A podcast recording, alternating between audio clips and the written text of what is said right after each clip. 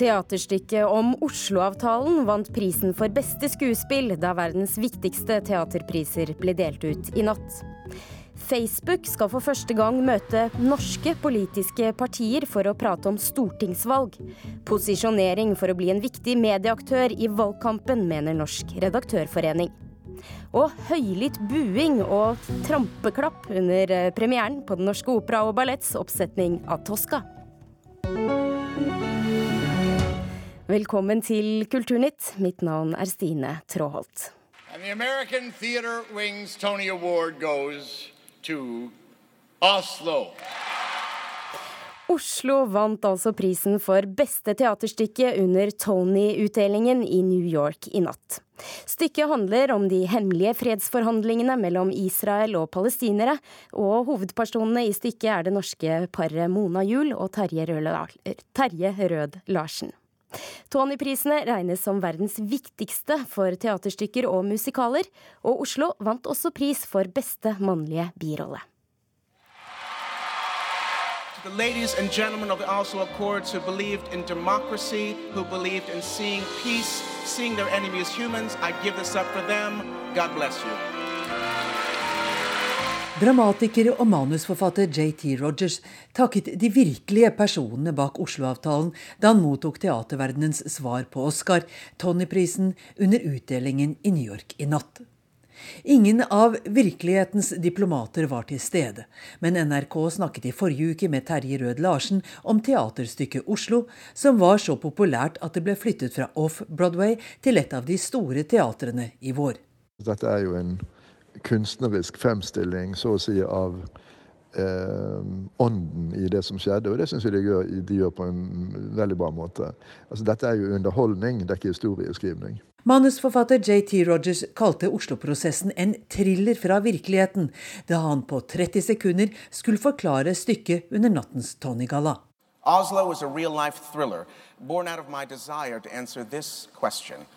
What would it be like to have the courage to sit across from your enemy and see them as a fellow human being. Thank you. I tillegg til prisen som beste skuespill fikk skuespilleren Michael Aronov Tony for beste mannlige birolle i stykket.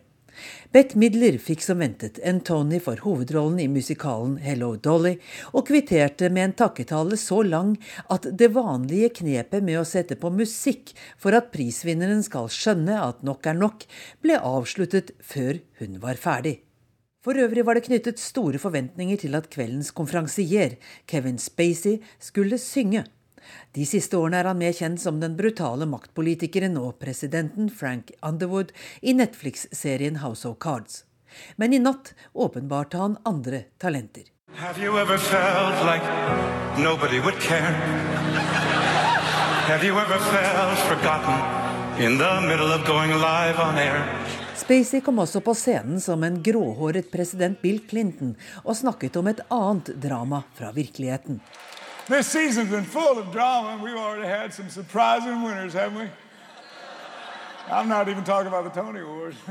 Men ellers var det påfallende få angrep på den sittende presidenten.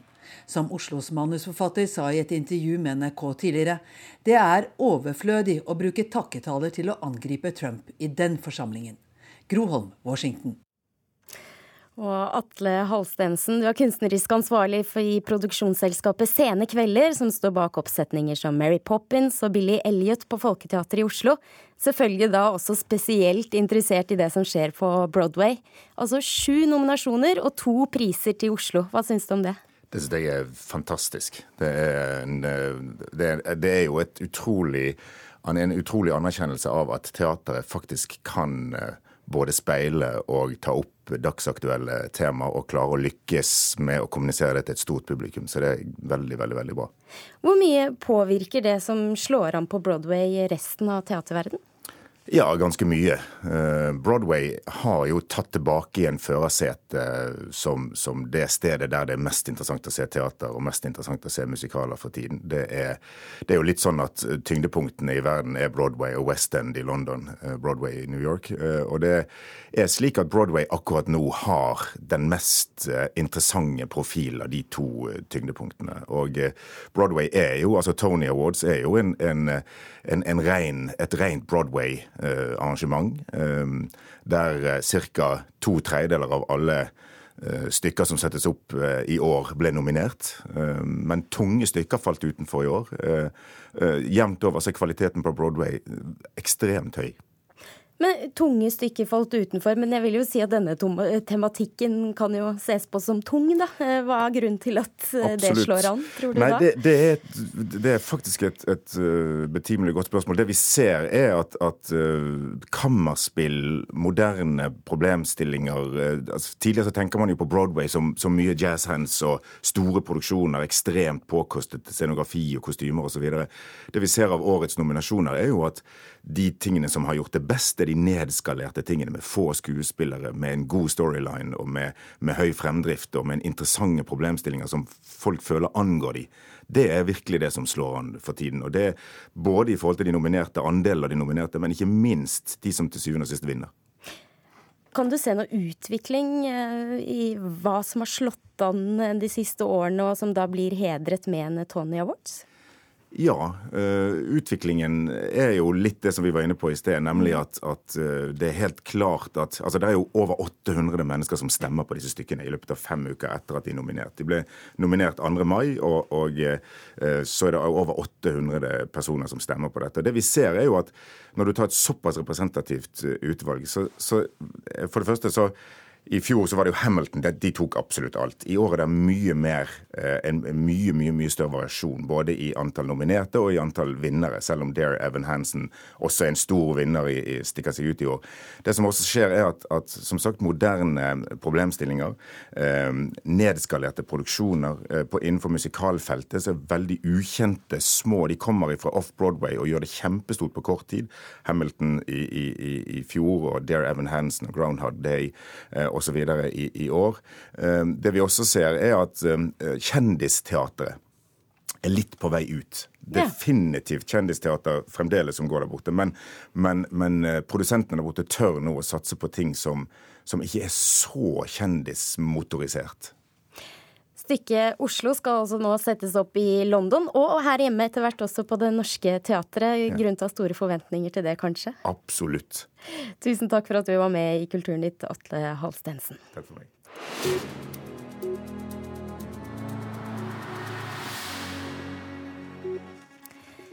Spellemannprisen har problemer med økonomien. Det skriver Dagsavisen i dag, og du har kommet i studio, reporter Hans Olav Riise, for å fortelle litt om bakgrunnen.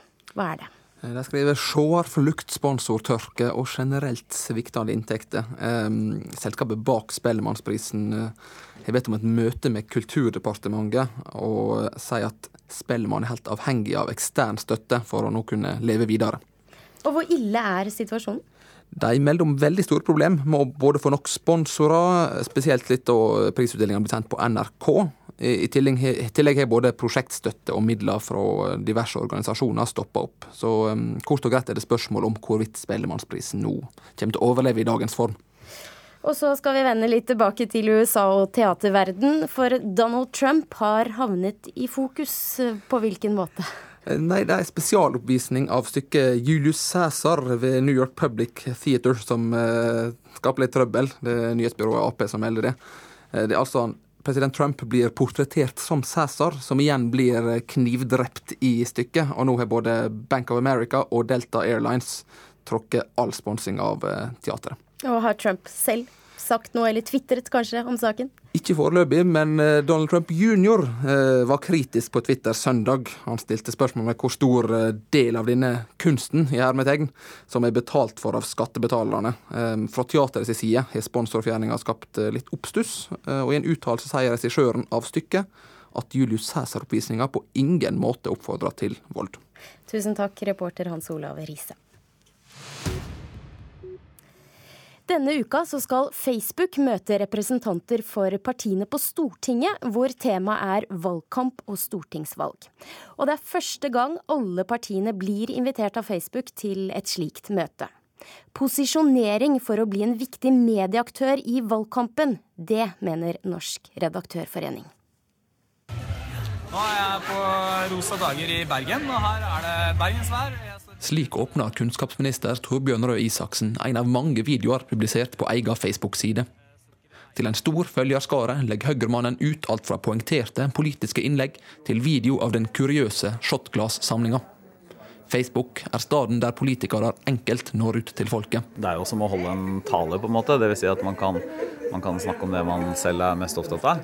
Og det er jo folk selv som bestemmer om de vil like siden min og få den informasjonen. Så den andre er jo også at det er en måte å få innspill på også.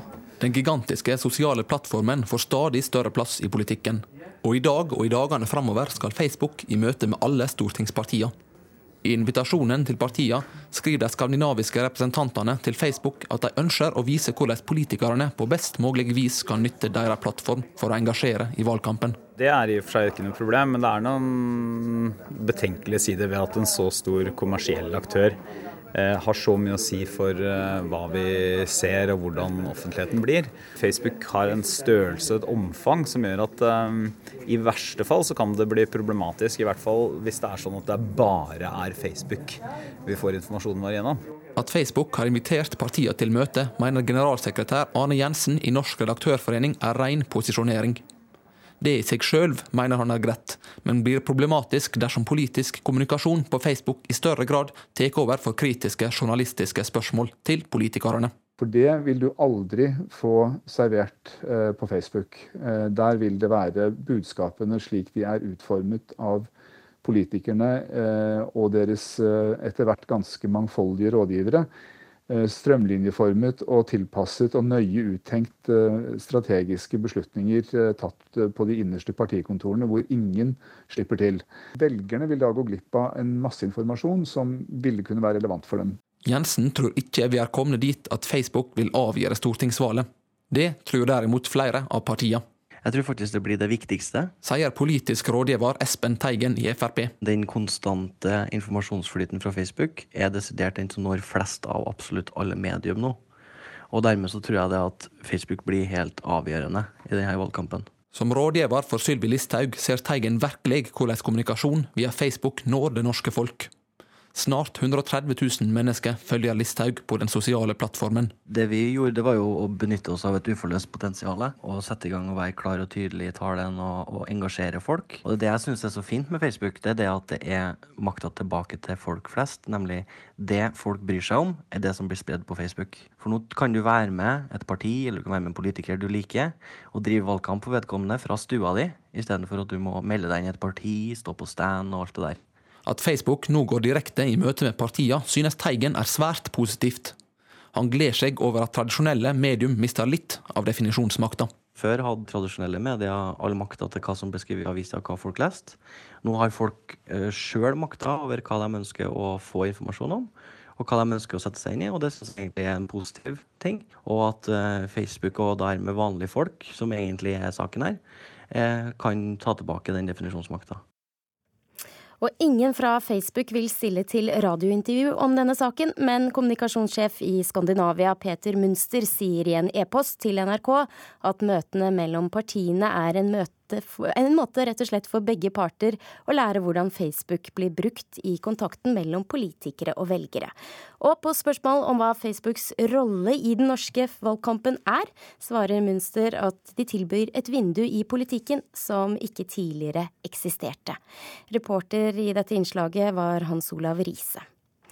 Og i tillegg til dette møtet med politikerne denne uka, så skal eh, medieforskere og kommunikasjonsfolk til, eh, møtes til diskusjoner om eh, Facebooks rolle. Og Hans Petter Nygaard Hansen, du er kommunikasjonsrådgiver og er en av dem som skal møte Facebook.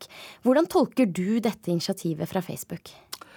Jeg tolker det som en naturlig utvikling. Altså, de begynner å bli ganske så store. De er definitivt en aktør å regne med som, eh, som en slags eh, demokratisk forvalter av et eh, mer desentralisert ordskifte. Vi skal huske på at Facebook fikk mye kritikk for at de ikke var på banen. Nå får de mm. også kritikk for at de faktisk da er på banen. Jeg syns det er bedre, og det er ganske naturlig når om det er store kommersielle selskaper eller politiske aktører som eh, ønsker å bli en kunde av Facebook, for det er jo det de blir, så er det naturlig at Facebook stiller opp og gir de den støtten eh, som, som trengs for at de kan bruke de pengene og den tiden på, på skikkelig måte. Men likevel, Finn, ser du noen problematiske sider ved dette? Det er vel problematiske sider med, med, så mangt. Altså, på Facebook så er det jo ofte slik at uh, vi kommer tilbake til det berømte ekkokammeret. Uh, vi ser liksom de, de, som kanskje gjør det skarpest i, på Facebook nå i dag, er de som, uh, som er tøffest i tonen. og Det, det forsterker ekkokammeret, og det ikke minst øker polariseringen. Og det skaper egentlig ikke så veldig god debatt. Det gjør det ikke. Så det er et problem. og det er en utfordring som jeg håper politikerne også tar på største alvor. Ja, Tenker du rett og slett at norske politikere ikke er flinke nok til å bruke Facebook på riktig måte, med det du sier nå? Det kan jeg vel si. Altså, de, det er litt adhoc-preg over det som legges ut. Eh, mest av alt så deler de gjerne saker som de har fått mediedekning på, så sånn sett så bidrar de til kanskje økt eksponering og inntekter for medieaktørene. Det er kringkasting som står i førersetet. Det er få poster, lite video. Det er veldig mye om hva vi som politiske partier gjør.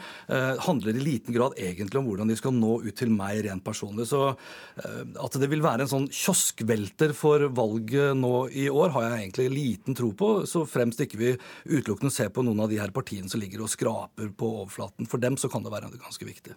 Tilbake til dette initiativet Facebook nå tar.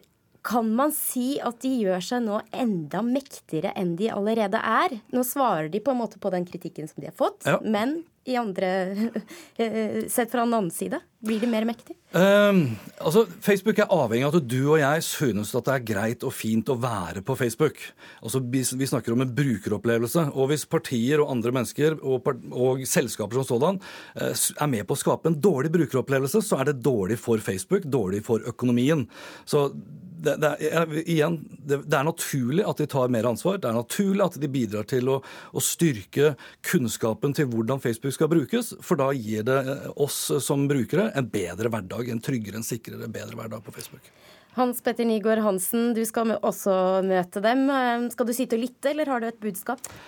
Eh, har, jeg har vært med på et par av disse samlingene tidligere. Jeg syns det er en fabelaktig måte å komme tettere på Facebook. Jeg tror eh, Facebook også liker den måten å komme tettere i kontakt med oss, slik at de forstår hva vi mener er problematisk, hva vi mener bør gjøre annerledes. Eh, og det er jo en, er en fin måte å, for Facebook da, å vise faktisk et aktivt ansvar for at de har blitt den medieaktøren de har blitt. Tusen takk for at du kom til Kulturnytt, Hans Petter Nygaard Hansen. Og her i Kulturnytt så har nå klokken blitt eh, snart 20 minutter over åtte, og dette er nyhetsoverskriftene nå. Det kan bli store endringer av sammensetningen av parlamentet i Frankrike. President Emmanuel Macrons nye sentrumsparti har gjort et brakvalg. Og flere barnefamilier i Melhus i Sør-Trøndelag måtte få hjelp til å redde seg unna flom i natt. Det var et kraftig regnvær som førte til at vannet steg raskt. Og mindre av godstransporten i Norge skjer med tog. Det er stikk i strid med det politikerne går inn for.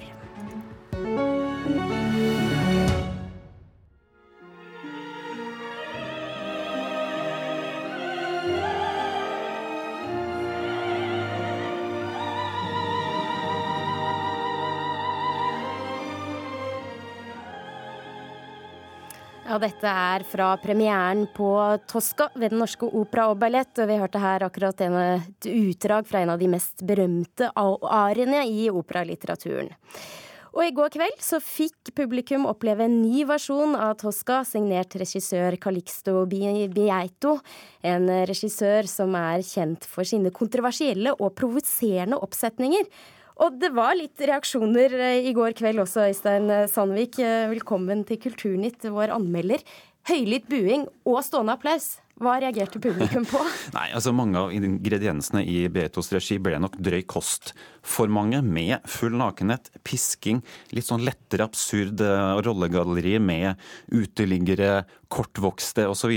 Blod og sex, altså dette er jo typiske virkemidler som Beito har brukt med stort hell eh, tidligere. Det som er mitt problem, er at vi her blir servert en radikal nyfortolkning av Tosca som ikke lykkes helt med å fortelle en troverdig historie, og heller ikke å være en interessant kommentar til utviklingstrekk ved vår tid, som jo åpenbart er målet til Calixto og Beito. Avstanden blir til tider for påfallende mellom det vi ser på scenen og det vi faktisk hører at de synger.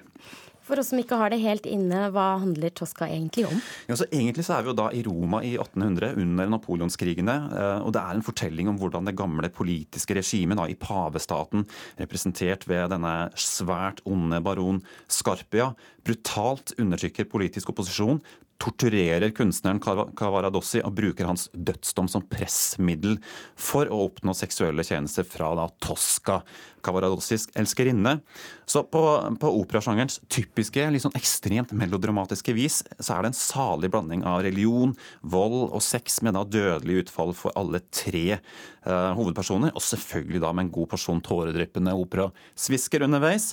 Um, Calixto Beto bruker dette til å, å fremme et aktuelt budskap om den frie kunstens stadige vanskelige kår under dagens politiske regime, med krav til eh, markedstilpasset underholdning, eh, og hvor da kunstnerparet Cavaradossi Tosca ender opp ikke døde som hos Puccini, men heller latterliggjort og utgrenset av et moderne politisk system som er like autoritært som baron Scarpias politistat anno 1800.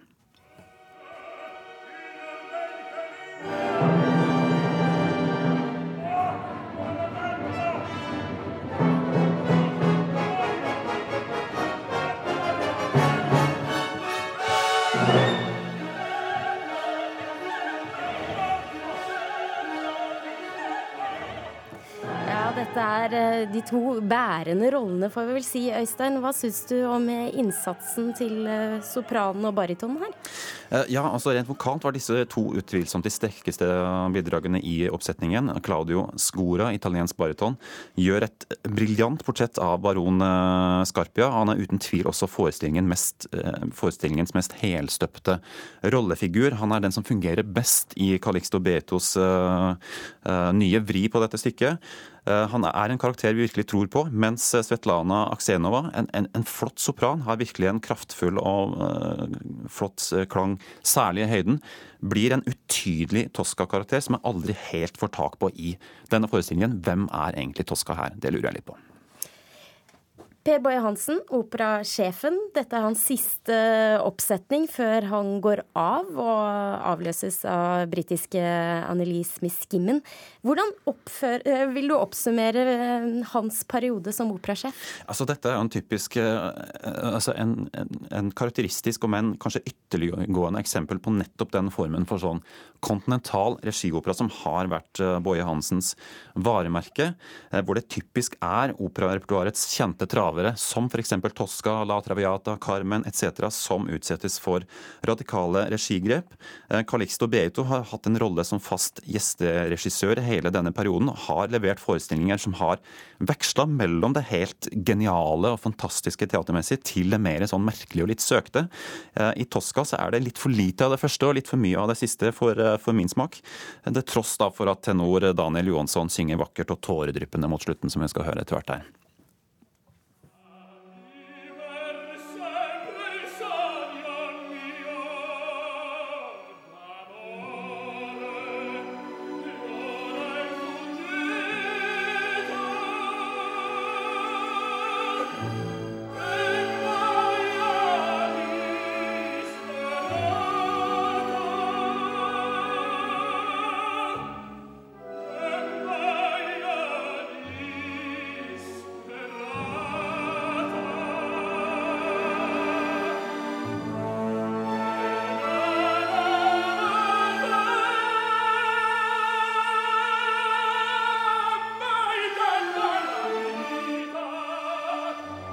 Altså for å oppsummere til slutt, Øystein Sandvik. Hvis eh, man ønsker å se Tosca, er det noe du vil anbefale? Det er mange slående scener i uh, Calixto Beitos oppsetning. Det er en mørk og dyster scenografi. Det er uh, noe fantastisk spill mellom karakterene her. Uh, man må kanskje bestemme seg litt om man vil følge med på det som skjer på scenen, eller lese på tekstmaskina, for det er ikke helt samsvar der alltid. Så som sagt, som en radikal nyfortolkning av Tosca, så klarer ikke Beito helt å etablere en troverdig fortelling på toppen av dette gamle Puccini-verket. Tusen takk, musikkanmelder Øystein Sandvik. I ti dager så har kunstneren Gitte Setre dratt på et skilt med Statoil-logoen etter seg fra Oslo Børs til Oljemuseet i Stavanger. Og turen det skal bli til en videoinstallasjon som vises i oljebyen til høsten, som et innlegg for en grønnere miljøpolitikk. Og du ønsker eh, å skape blest om alvorlige temaer eh, i det norske samfunnet med kunsten din. Velkommen til Kulturnytt, Gitte Setre. Takk for det. Hvordan vil du beskrive denne turen? Det skal vel sant sies at du gikk ikke helt til Stavanger? Hele Nei. veien? Nei, jeg, jeg, hadde, jeg hadde fokuset på å, å, å, komme frem og gjøre det helskinnet. Så jeg gjorde det trygt. Hva slags reaksjoner fikk du fra publikum på denne, dette kunstneriske stuntet? Ja, vi nordmenn er jo veldig sjarmerende. Vi later som vi eh, ikke ser det. Men eh, selvfølgelig, noen kommentarer har falt, og da gikk jo det mye på om, eh, om jeg eh, eh, liksom eh, skammet meg, eller om jeg var en slave, eller ja, Statoil kommer nok til å ta livet av oss. Ja, det var flere interessante kommentarer. Hvorfor gjør du dette? Nei, det er jo først og fremst fordi at eh, jeg har lyst til å sette fokus på noe som opptar oss alle sammen. Eh, og, og sette ikke minst fokus på hva det kreves av oss, og hva en grønn omstilling kan være for noe. Det er helt klart en, en byrde eh, i dag blitt, oljen. Det har ikke alltid vært sånn, men i dag ser vi at verden er annerledes. Og det vil kreve veldig mye av oss å tenke nytt i forhold til hvordan vi skal skaffe arbeidsplasser, hvordan vi skal eh, få denne veksten som vi er så fryktelig opptatt av, til å på en eller annen måte fortsette. Men Du kunne jo også ha skrevet en kronikk. Hva slags styrke tenker du at kunsten har eh, som en slik plattform? Nei, altså jeg tenker at det er ingenting alene som vil, som vil forandre noe. Så det er jo summen av kritikk, og, og det å være billedkunstner har alltid vært min plan A. Eh, så jeg er jo selvfølgelig opptatt av eh, det rommet som kunsten gir oss da, til å tenke. Tiden løper fort, eh, Gitte Sæther. Jeg må si tusen takk for at du var med i Kulturnytt. Og så kan man altså se denne installasjonen din på Oljemuseet i Stavanger etter hvert. Produsent for dagens Kulturnytt var Gjermund Jappé. Nå blir vi avløst av Dagsnytt, og så fortsetter Nyhetsmorgen.